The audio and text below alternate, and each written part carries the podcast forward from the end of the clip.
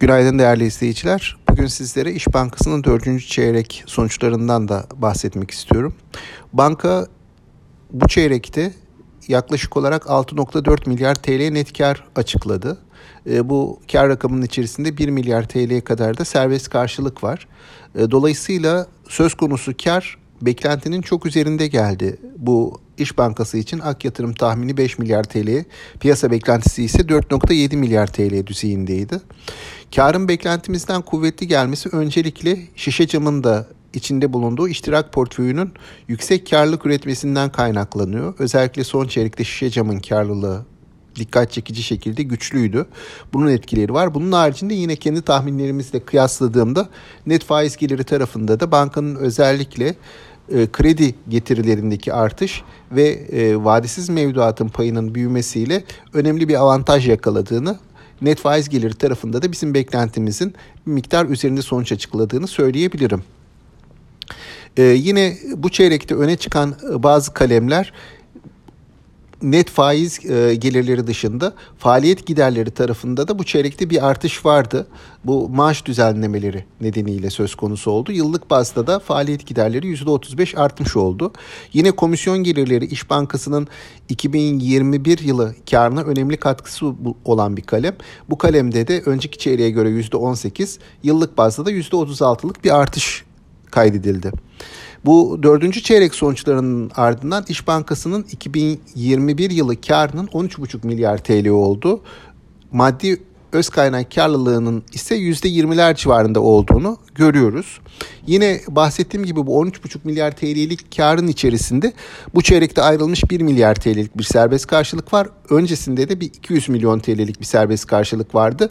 Dolayısıyla bu yıl karşılık ayırmamış, serbest karşılık ayırmamış olsaydı banka kar 14.7 milyar TL öz kaynak karlılığı da yine maddi bazda yaklaşık %22 civarında gerçekleşmiş olacaktı.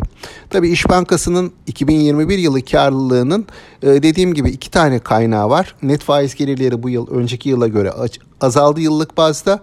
E, buna karşılık bankanın iştirak gelirleri özellikle şişe camın büyük katkısı var ve komisyon gelirlerinin 2021 e, karına çok çok önemli e, katkısı var. Bunları belirtmeden geçmeyelim. E, baktığımızda İş Bankası'nın 2022 yılı beklentileri de dün paylaşıldı. Özellikle bankanın TL kredilerde %25'in üzerinde bir büyüme, döviz kredilerde bir miktar daralma, TL mevduatta yine %35'in üzerinde bir büyüme e, beklediği paylaşıldı. Net faiz marjı tarafında 2022 yılında 70 bas puan kadar bir artış bekliyor banka yönetimi. Bunun haricinde net komisyon gelirlerinde %30'un üzerinde artış, faaliyet giderlerinde yıllık ortalama enflasyona yakın bir büyüme, yine net kredi risk maliyetindeki ayrılan karşılıkların e, kredileri oranı olarak e, hesaplanıyor. Burada da yaklaşık 150 bas puanın altında bir sonuç elde etmeyi bekliyorlar ki bu e, net kredi risk maliyetinde 2021 yılındaki e, rakamın 75 bas puan yani %0.75 olduğunu da hatırlatayım. Burada e, 2022 yılında biraz daha karşılık ayrılacağını e, düşünüyorlar. Oransal olarak artacağını düşünüyorlar bu kalemin. Yine iştirak gelirleri 2021 yılı karına çok büyük katkı sağladı dedik. Burada bir miktar normalleşme olabileceğini ifade ettiler. Ve 2022 yılında yine bankanın %20'nin üzerinde bir öz kaynak karlılığı hedefleyeceğini e, belirttiler. Tabii bankacılık sektörünün öz kaynak karlılığının %13-15 aralığından %20'lere çıkması olumlu bir e, gelişme.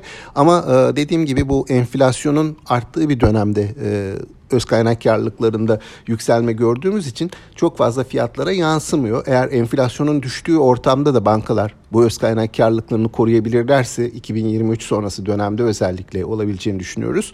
Bu sisteme banka değerlemelerine olumlu yansıyacaktır diye söyleyebilirim. Ee, bu bankanın 2022 ilişkin öngörüleri sonrası biz e, kar tahminlerimizi değiştirme ihtiyacı hissetmedik. 2022 yılı için 18,5 milyar TL'ye bir kar beklentimiz var. Bankanın 2023 yılında da 23,5 milyar TL civarında bir net kar açıklayabileceğini e, düşünüyoruz. Tabii e, 2022 yılı genelde bankacılık sistemi için tüfe endeksi menkul kıymetlerden yüksek karlar elde edilmesini beklediğimiz bir yıl. Ekim ayı enflasyonunun çünkü yüksek olmasını bekliyoruz. Ama İş Bankası'nın hani senelerden beri devam eden farklı bir muhasebe uygulaması var. Dolayısıyla dalgalanmalardan daha az etkileniyor.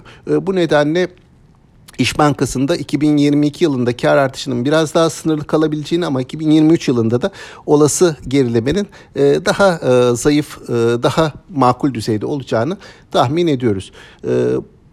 İş Bankası hakkındaki görüşlerimiz bu şekilde. Banka için hedef fiyat seviyemiz 12 aylık hedef fiyat seviyemiz 12 lira 40 kuruş endeksin üzerinde getiri önerimiz bulunuyor. Tüm izleyicilere sağlıklı, bol bereketli, kazançlı günler diliyorum.